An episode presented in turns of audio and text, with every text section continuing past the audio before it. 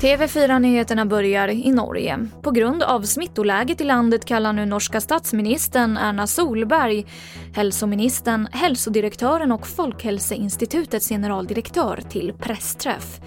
Tidningen Dagbladet uppger att den tunga uppslutningen beror på att situationen bedöms som allvarlig och att landet är vid en brytpunkt vad gäller smittan. Däremot så tros inte statsministern ge besked om en ny nedstängning av landet som skedde i mars. Snarare väntas skärpta restriktioner enligt tidningen.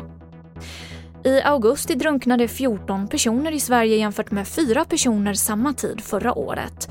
Detta enligt Svenska Livräddningssällskapet.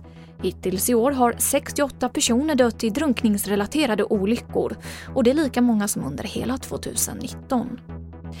Idag röstar EUs klimatutskott om en ny lag som ska göra så att EU är klimatneutralt år 2050. Ansvarig för förslaget är den svenska socialdemokraten Jytte Guteland. Hon föreslår bland annat att EU ska höja sin målsättning för utsläppsminskningen inom de närmsta tio åren. Och jag avslutar med att tidigare finansdirektören Anna Borg blir ny VD och koncernchef för statliga Vattenfall. Hon tillträder den 1 november och efterträder Magnus Hall. Och det var det senaste från TV4 Nyheterna. Jag heter Emily Olsson.